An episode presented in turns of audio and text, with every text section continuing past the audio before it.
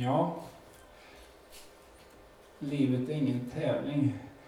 Jag, jag har varit lite spänd för det här eh, föredraget. Så, eh, så jag, jag, jag, var, jag var spänd, men så tyckte jag att jag fick, fick grepp över det. Så att, och, och men, jag, jag, jag verkligen så att säga, kände att det landade sådär.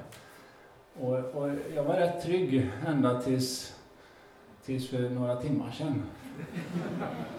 Då hände någonting ganska så förfärligt. Eh, vi hade en tiokamp som var jättetrevlig. Och hela mitt föredrag raserades. För livet var ju väldigt roligt i den här tävlingen. Så jag, jag vill börja med att tacka för arrangörerna för en jättetrevlig tillsammans eftermiddag. Eh, att prata om Jesus. Eh, det är ju lite grann som att eh, prata om livet eh, och skapelsen och människan och Gud på en och samma gång. Det är ganska stort och svårt. Men ibland är ju livet ganska svårt faktiskt. Men det är då som vi ska ta permanent, antar jag. Men jag kan väl inte unna mig det nu kanske.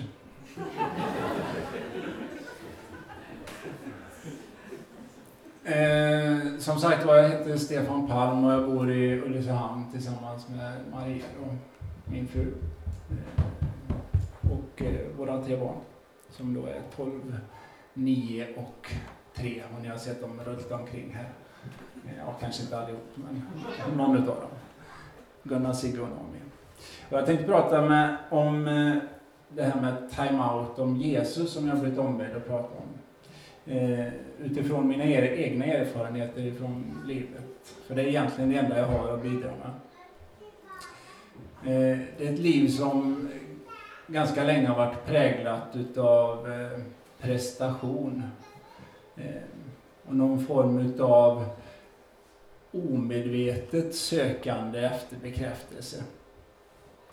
Och det där har naturligtvis sett ut på lite olika sätt, men främst har det tagit sig uttryck inom eh, idrotten och inom mitt, eh, så att säga, mitt eh, företagande och mitt yrkesliv. Då. Det är väl där som det här sökandet efter bekräftelse har visat sig tydligast. Då. Så det jag tänkte dela med er, det är några väldigt enkla tankar om hur livet, prestationerna och tron påverkar varandra och hänger ihop eh, för mig. Och några av de reflektionerna som jag har gjort på vägen och på den vandringen som jag är ute på. Ehm, om jag är lite entonig så kommer vi bryta av det med lite fler toner in emellan så ni får chansen. Så sitter ni och somnar till så är det bara att liksom hålla ut för det kommer snart en sång får ni tänka. Så.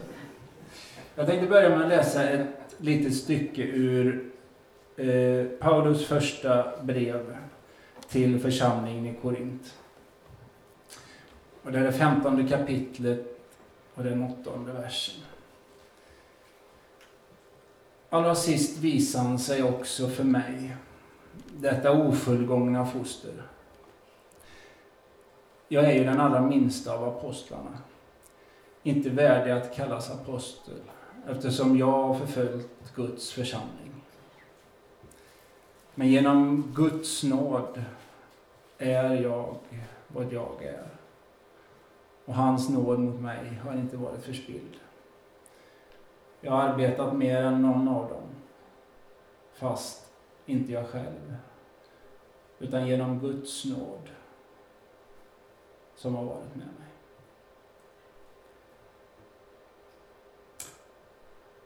Timeouter var det ja. När man hör någon som har tagit timeout idag eh, så upplever jag att det ganska ofta inte alltid, men ganska ofta så handlar det om någon politiker eller någon makthavare som av en eller annan anledning har valt att stänga av sig från omvärlden för en tid. Eh, ofta så har vederbörande gjort någonting olämpligt, inte alltid sådär helt moraliskt. Eh,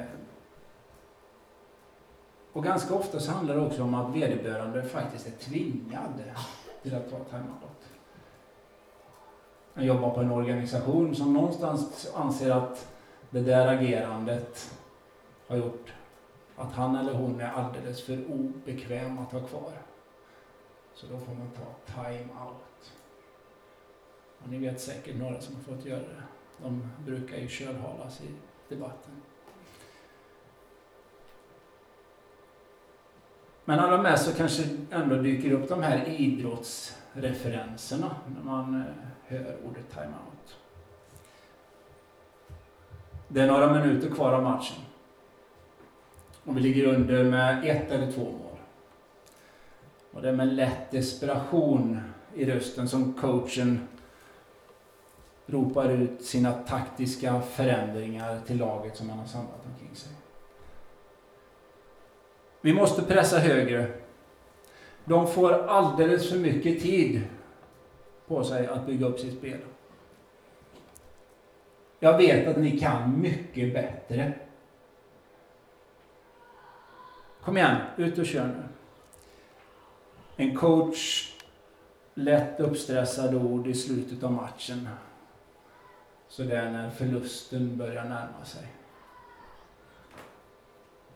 Och vi som har varit med i de här idrottssammanhangen vet att språket var gravt censurerat.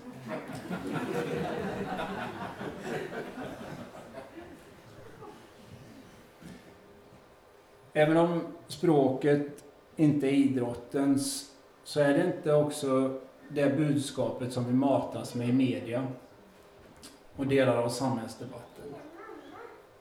Vi ska förändra någonting.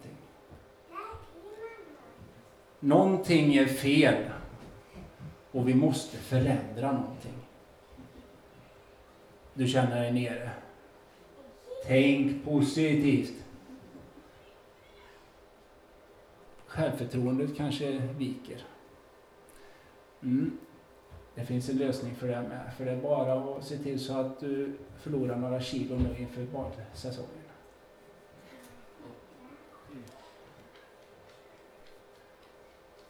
Och kom ihåg det. När du nu tar tag i ditt liv så är det bara du som kan göra något. Ingen annan. Det är bara du som kan göra någonting åt det. Det dyker upp allehanda coacher i media och de får ofta ganska gott om plats att förändra sitt förändringsevangelium. Men hela det här tankesättet som jag kallar coachande, det leder oss fram till tron. Att vi måste göra, prestera och framförallt förändra någonting. Förändra våra liv för att vara någon eller för att duga i våras och andras ögon. Men det är ett tankesätt som är som upplagt för att ge oss, ge oss dålig självkänsla och föra oss in på helt fel vägar. Men som väl är, Jesus är ingen coach. Och livet handlar inte om att prestera. Livet är ingen tävling.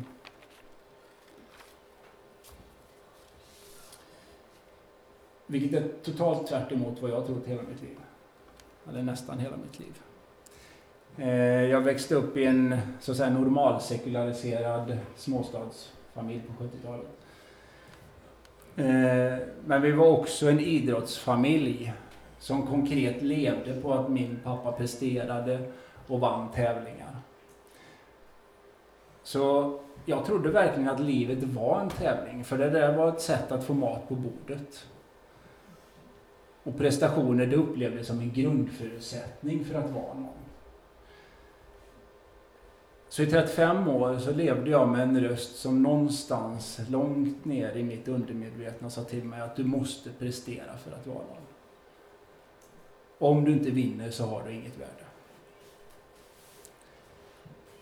Det där innebär ju inte naturligtvis att man ständigt går omkring, går omkring och tänker så. Och det ska också erkännas att det här med att ha synen på livet som att det är en tävling. Det innebär en väldigt stark drivkraft som man kan använda väldigt länge och väldigt mycket i sitt liv. Men alldeles oavsett hur stark och hur motiverad som du är så finns det en gräns för hur en enskild människa klarar av på egen hand.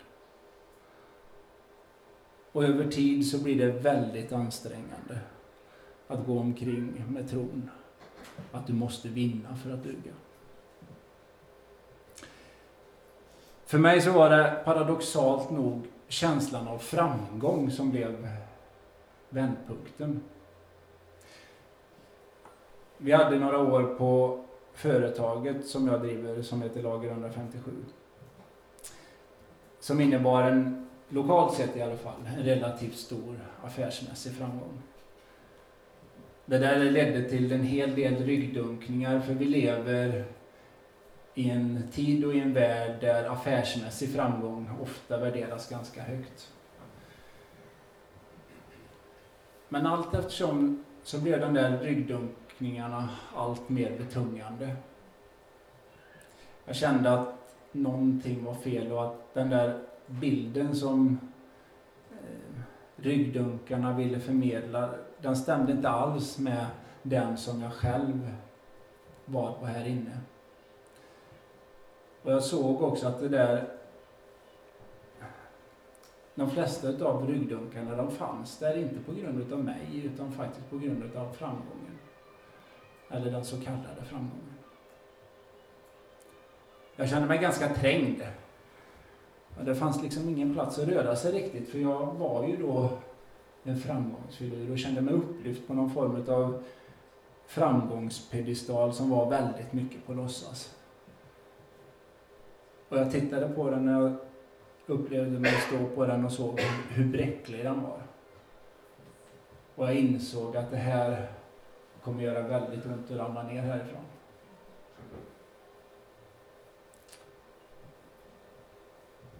För mig så var det starten på en resa som så småningom kom att landa i Svenska kyrkan. Jag blev varsamt ledd in och på Kristi himmelsfärdsdag för några år sedan eh, så blev jag funnen. Jag blev tilltalad av Gud som sa Jag älskar dig precis som du är. Du behöver inte prestera och du behöver inte vara bäst. Du får göra fel och misslyckas.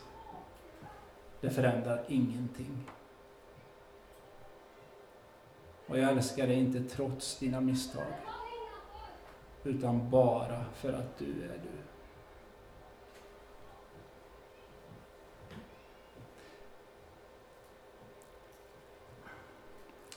Då hade jag torrtrott ett par år.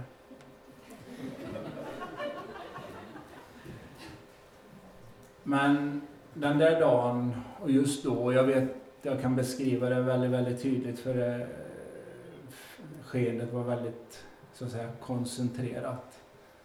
Då så flyttade sig tron ifrån hjärnan till hjärtat. Och den uppfyllde hela min kropp.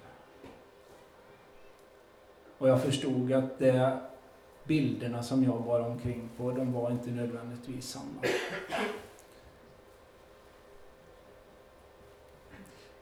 För min upplevelse från barndomen och framförallt ifrån skolgången, rätt eller fel, det var att alla skulle se likadana ut. Uppföra sig lika och så vidare. Jag var ganska så pratig, Eh, då och då kreativ. Ifrågasättande var jag.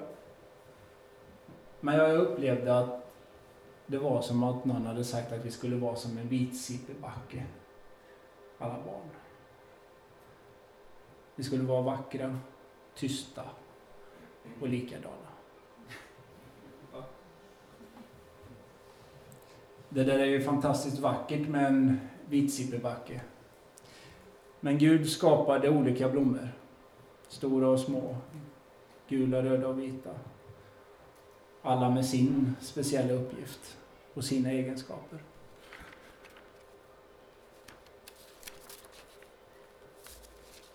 Som barn, men även som vuxen, så är det viktigt att känna sig omtyckt och känna att man hör till. Men när jag i skolan inte upplevde det så tittade jag ner i min mentala verktygslåda. Och då såg jag egentligen bara ett verktyg. Det fanns säkert flera där, men jag såg bara ett. Och på det så stod det prestation. Okej, okay. om de inte gillar mig och mitt sätt att vara, tänkte jag undermedvetet, så ska jag få dem att älska mig för mina prestationer. Jag försökte men det fungerade naturligtvis inte något vidare. För du blir inte älskad för dina prestationer. Kanske beundrad, men inte älskad. Och i den motsägelsen så satt jag fast. Och som barn så förstod jag inte. Men så på Kristi himmelsfärdsdag, där, den där dagen, på den där platsen, så sa Gud till mig. Att du är älskad. Och du var älskad hela tiden. När du inte räckte upp handen. När du ifrågasatte. När du tänkte annorlunda. Jag älskade dig hela tiden. Han vände sitt ansikte till mig och han gav mig sin frid. Och för mig så blev det bevisat att livet är ingen tävling. Jesus är ingen coach. Och ingen kommer någonsin nå friden med sina prestationer. Att uppleva sig älskad och bekräftad av Gud. Det är bara en, en vidare där. Så. Där. Det är en hörnsten i varje människas liv. Vi kan jaga bekräftelse utav människor. Och det kan kännas ganska skönt i stunden. Men det där det är korta kickar. Och det enda som håller i längden, det är ju som vi vet bekräftelsen ifrån Gud. Att vara funnen, det innebär också en insikt om att det är inte mina egna intressen som står i centrum. Och som förälder och medskapare så tror jag att den allra viktigaste uppgiften som vi har i livet det är att vara budbärare av Guds kärlek till våra barn. Att så gott vi kan förmedla gudomlig bekräftelse och försöka visa dem att varje cell och varje hårstrå är älskat från första stund. Att genomsyra dem med våran kärlek och framför allt att bekräfta dem för vilka de är. Istället för att försöka förändra dem. Fylld med insikten om att man är fullt älskad. Så är jag övertygad om att man vågar öppna sig och visa mer utav sitt inre. För som jag tror så finns det allra vackraste i människan längst in. Många gånger bakom många lager av skydd och är. Men ju mer som vi kan vara ett verktyg och älska, ju mer så vågar de som vi älskar öppna sig och visa sitt sanna jag. För alldeles oavsett hur det innersta jaget ser ut så är det Guds verk. Och vår grundläggande uppgift det är att få dem att känna sig att jag är okej. Okay.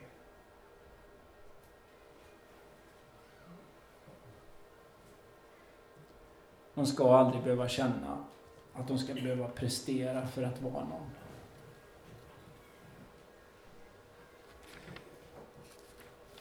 apropå bekräftelse och prestation så var jag eh, på en svensexa för några månader sedan.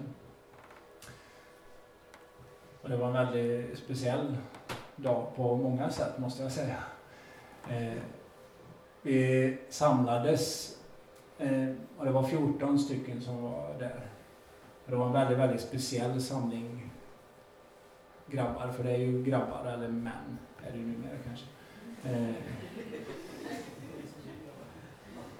som samlades där. Det var väldigt mycket dyra bilar. Det var väldigt påkostat allting.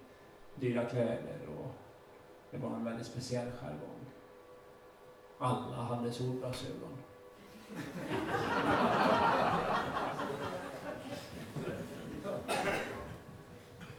och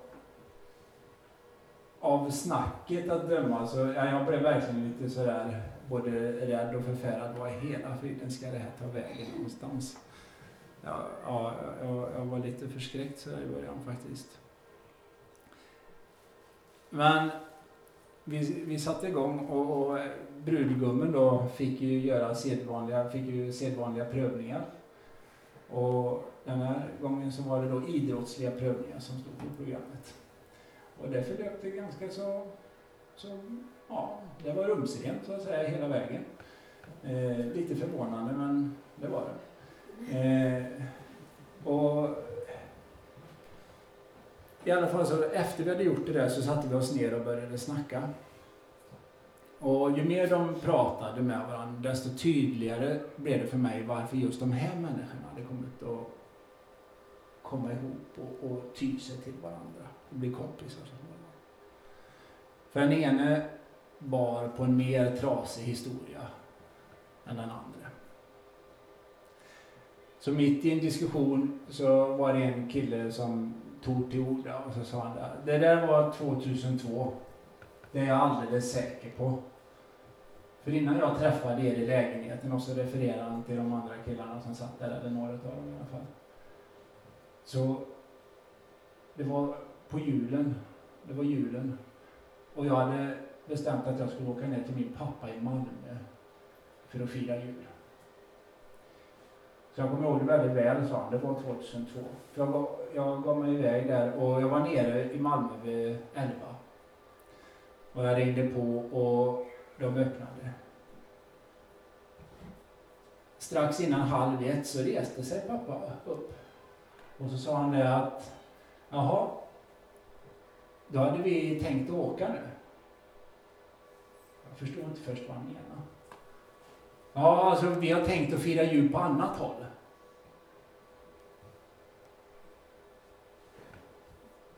Och jag fattar ju, sa killen, att de ville uppenbarligen inte att jag skulle vara där. Så jag hade inget annat att göra än att sätta mig i bilen och åka den där 33 milen upp igen. Och det var snöslask när jag stod och tankade i Halmstad. Klockan var kvart i tre och jag minns det så väl för jag, jag tänkte att nu börjar de snart dela ut julklapparna.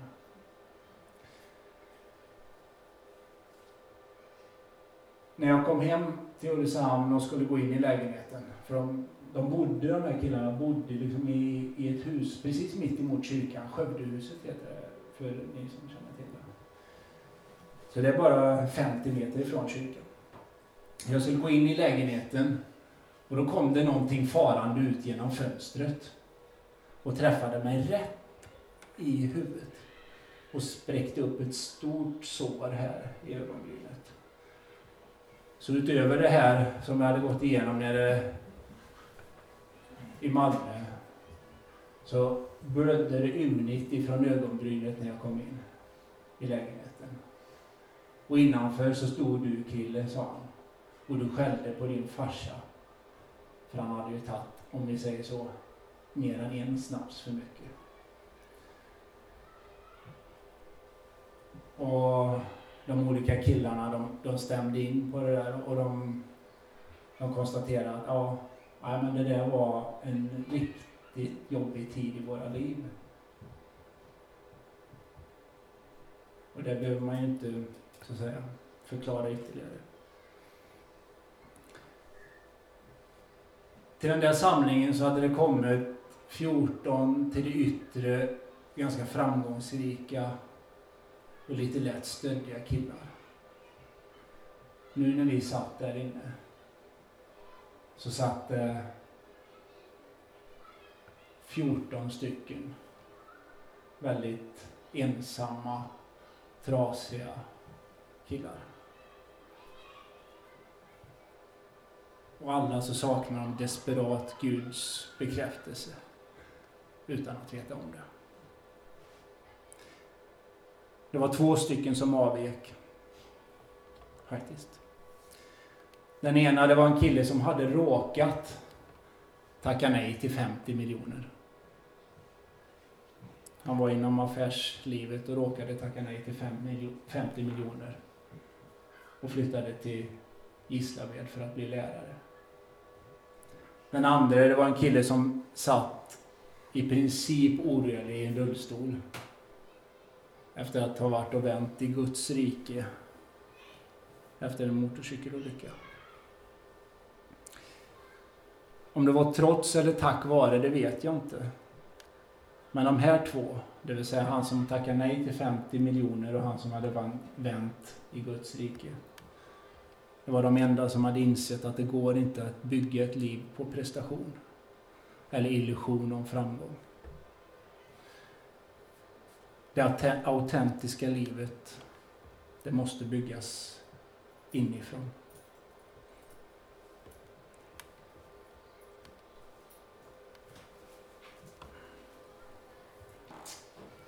När eh, den helige Benedikt, som vi har fått lite referenser till tidigare här i, i veckan, Benedikt av Nursia, på 530-talet formade sin regel för alla blivande benediktiner så myntar han det här begreppet.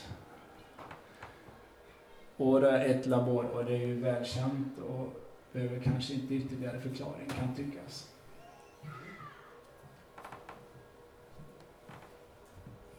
Men det är naturligtvis ingen tillfällighet att han väljer just de här orden. Och det är inte heller någon tillfällighet att han inte vänder på orden.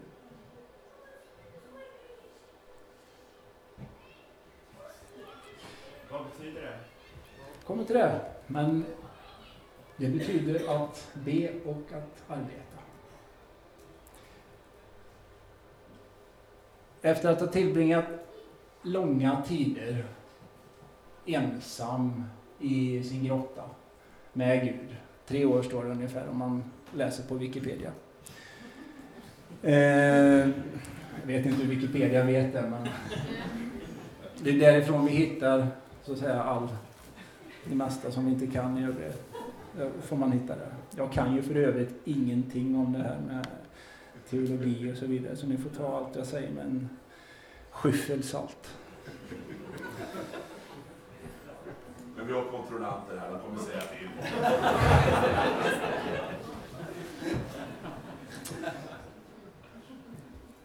Han var i grottan länge.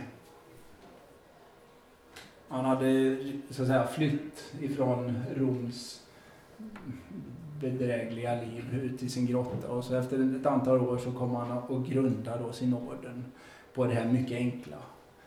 Be och arbeta. Ora et labora. Och det är så enkelt så man skulle kunna förledas att inte tänka vidare på det. Men som ofta annars så anar man den stora visdomen i det till synes mycket enkla. Som jag har tolkat det, och som sagt var det är lekmannamässigt, så skulle man kunna säga att dagen börjar med ora, det vill säga att vara tillsammans med Gud i bön. Uttryckt på ett annat sätt så skulle jag vilja säga att det börjar med att vara. Dagen fortsätter sen med det andra, det vill säga labora. Eller uttryckt på vårt sätt, att göra. Och sen, på samma sätt som dagen börjar, så avslutar vi den med att vara tillsammans med Gud i bön. Båda. Det är i grunden så enkelt att det kan verka självklart. Det kanske det är för alla, men i alla fall alla utom mig. Men för mig så upplever jag att det här, i det här begreppet så bor det någonting väldigt, väldigt stort. Och väldigt, väldigt grundläggande. Och jag tror att grunden till ett genuint liv väldigt mycket utgår från de här sakerna. Att få dem vara och göra på rätt plats, i rätt prioritet och rätt ordning.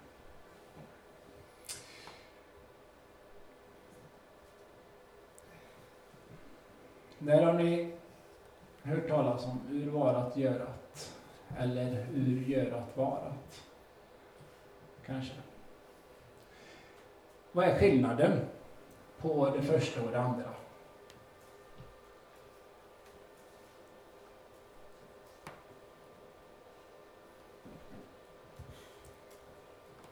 Det är bara en retorisk fråga. Jag vill inte att ni svarar för då förstör ni resten av det.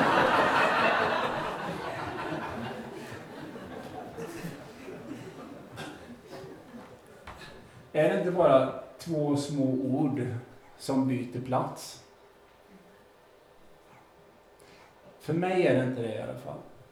För mig är det som skillnad mellan dag och natt. Eller himmel och helvete. Tänk er skillnaden.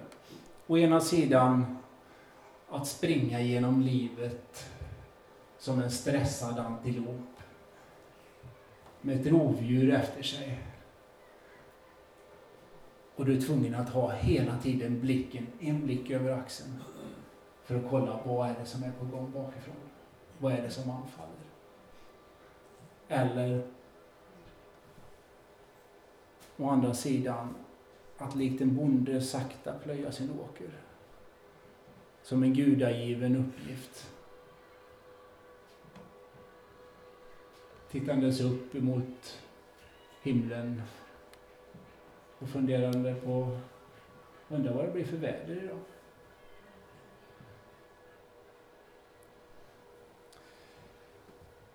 Vi lever i en tid som jag tycker i alla fall präglas mycket av det här.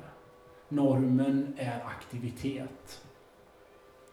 Det är det som är vår utgångspunkt, upplever jag allt för mycket. Vi arbetar, vi aktiverar oss, vi skjutsar, stressar, surfar, hämtar, lämnar, surfar. Nu kanske jag sa surfar två gånger, men det är så när man stressar. Eh, etc, etc, etc. Görandet, det präglar oss. Det präglar oss hela, hela tiden i det samhälle som vi lever. På samma gång så har våra liv och vårt samhälle många gånger tappat många av de naturliga ställena för vara. Som fanns på att säga naturligt inbyggda i samhället tidigare. Jag har kanske lite romantisk bild, men jag tänker mig så att säga, samhället hur det fungerat tidigare. Att efter man arbetade för i världen så blev det mörkt och så gick man in och så tände man brasan och så satte man sig där. Och så stickade man eller virkade man framför brasan. Så såg det ut efter arbetet för Det är ju några år sedan, men jag är ganska gammal. Eh, det finns inte idag. På samma sätt så sitter allt färre ner och äter middag tillsammans på kontinuerlig basis i familjen. Eller handen på hjärtat, hur många är det som tar fyra veckors semester, inte lyssnar på sin mobiltelefon eller någon gång kollar mejlen?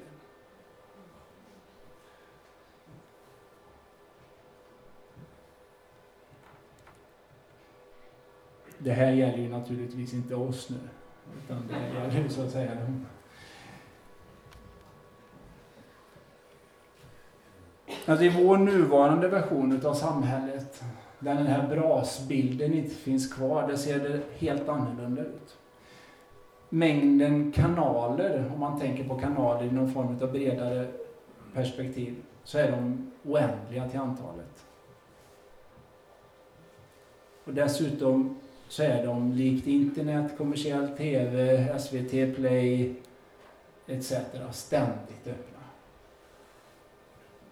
Ständig tillgänglighet. Men när man kopplar ihop då den mediala situationen som vi har i samhället med hur mycket, hur många timmar och hur mycket engagemang som man lägger i sitt arbete idag. Plus alla sina egna och alla barnens fritidsaktiviteter. Då kan man konstatera att det är nästan omöjligt idag att freda sig från göra-samhället. Möjligheten att göra och att distrahera sig har blivit nästan oändliga. Och man skulle kunna säga att det inte går att, sugas, att inte sugas med i göra-samhällets svarta hål.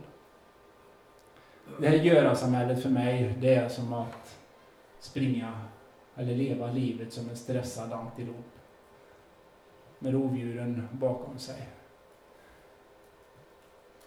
Hela tiden måste du ha en blick över axeln och undra vad är det som kommer bakifrån, vad är det som är på gång. Och aldrig få själen ro.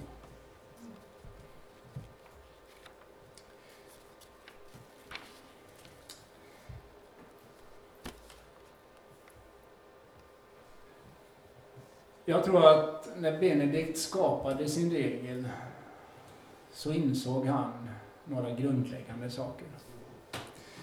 Han insåg att en människa varje dag måste koppla upp sig mot Gud, för att använda ett modernt uttryck, för att förbli sann.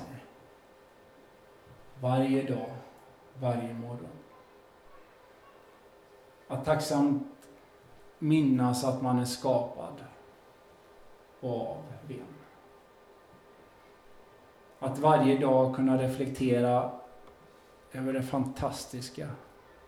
Att just nu idag så lever jag en dag på den här planeten. Mitt ute i universum. Och med Guds perspektiv på evigheten så är det inte det fantastiskt. Att vi varje dag får ta emot dagen som en gåva och fyllas med ödmjukhet inför Guds oändliga storhet. Benedikt förstod naturligtvis att vi som syndare, vi kan inte hantera det omvända. Han förstod vad som skulle hända med oss om vi börjar dagen att kasta oss in i vårt görande.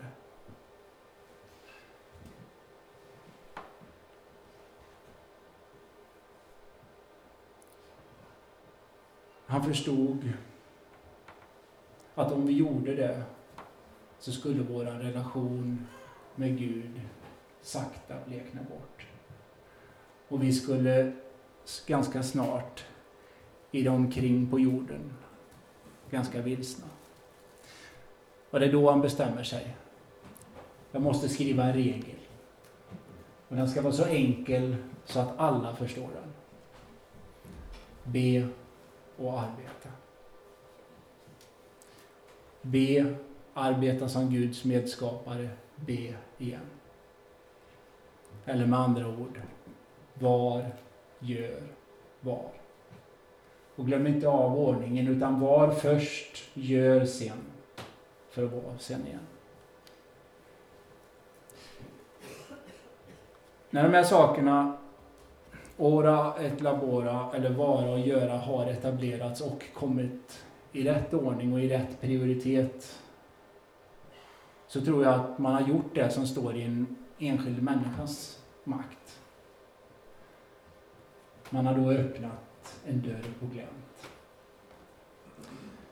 En springa där Guds ljus av nåd får komma in komma in i våra mörka själar. och kanske i bästa fall få ge vårt liv en ny riktning. Precis som Paulus liv fick en ny riktning och som han skriver om i det första Korintierbrevets 15 kapitel 8 vers. Men genom Guds nåd är jag vad jag är. Och hans nåd mot mig har inte varit förspilld. Jag har arbetat mer än någon av dem, fast inte jag själv. Utan genom Guds nåd som har varit med mig. Och Paulus har gått från att ängsligt skapa i egen vinning till att vara det som vi är födda till att vara. Bekräftade medskapare av Guds rike på jorden. För Guds rike, för samhället och för den egna själen så är jag övertygad om att det är en livets nyckel. Att få vårt vara och vårt göra i rätt ordning. Det är då jag tror vi kan bli autentiska medskapare och finna vår harmoni på det sätt som det är tänkt. Att tänka, fundera högt eller drista sig ha någon idé om det här. Nåd. Det blir väldigt lätt ett fåfängligt uttryck. Och det enda jag kan göra det är att konstatera att världens frälsare föddes av Maria.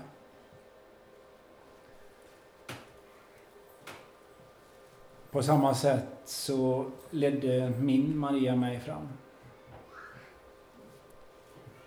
Det var min Maria som Gud använde som kanal för att nå mig. Hon är Guds gåva till mig. Och utan henne hade jag varit förlorad.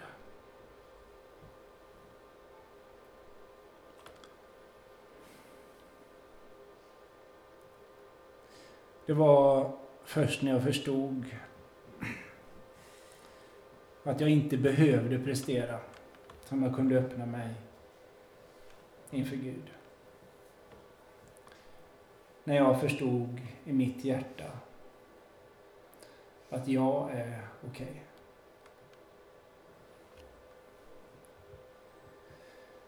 Inget behövde förändras. För allt stod redan rätt till. Det var bara jag som var sårad och inte såg. Ingen match var längre nödvändig. Kvar var bara Guds kärlek och skapande i hans namn.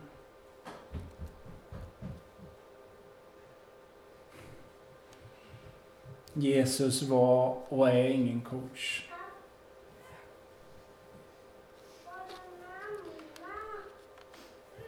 Jag ser honom istället stå där en bit bakom avbytarbänken.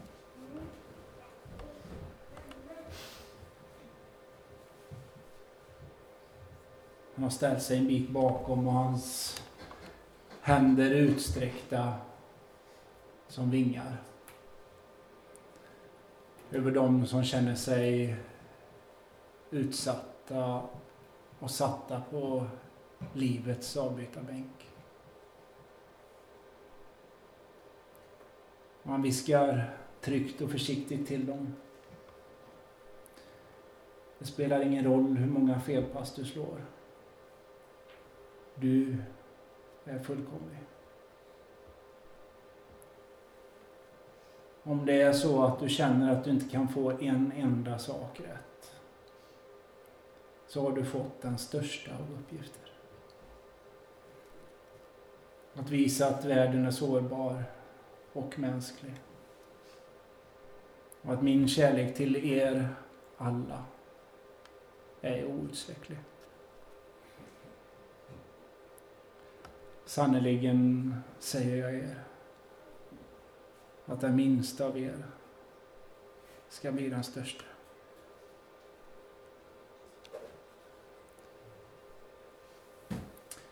Allra sist så visar han sig också för mig. Detta ofullgångna foster. Jag är ju den allra minsta av apostlarna, inte värdig att kallas apostel eftersom jag har förföljt Guds församling. Men genom Guds nåd är jag vad jag är. Och hans nåd mot mig har inte varit förspilld. Jag har arbetat mer än någon av dem, fast inte jag själv. Utan genom Guds nåd som har varit med mig.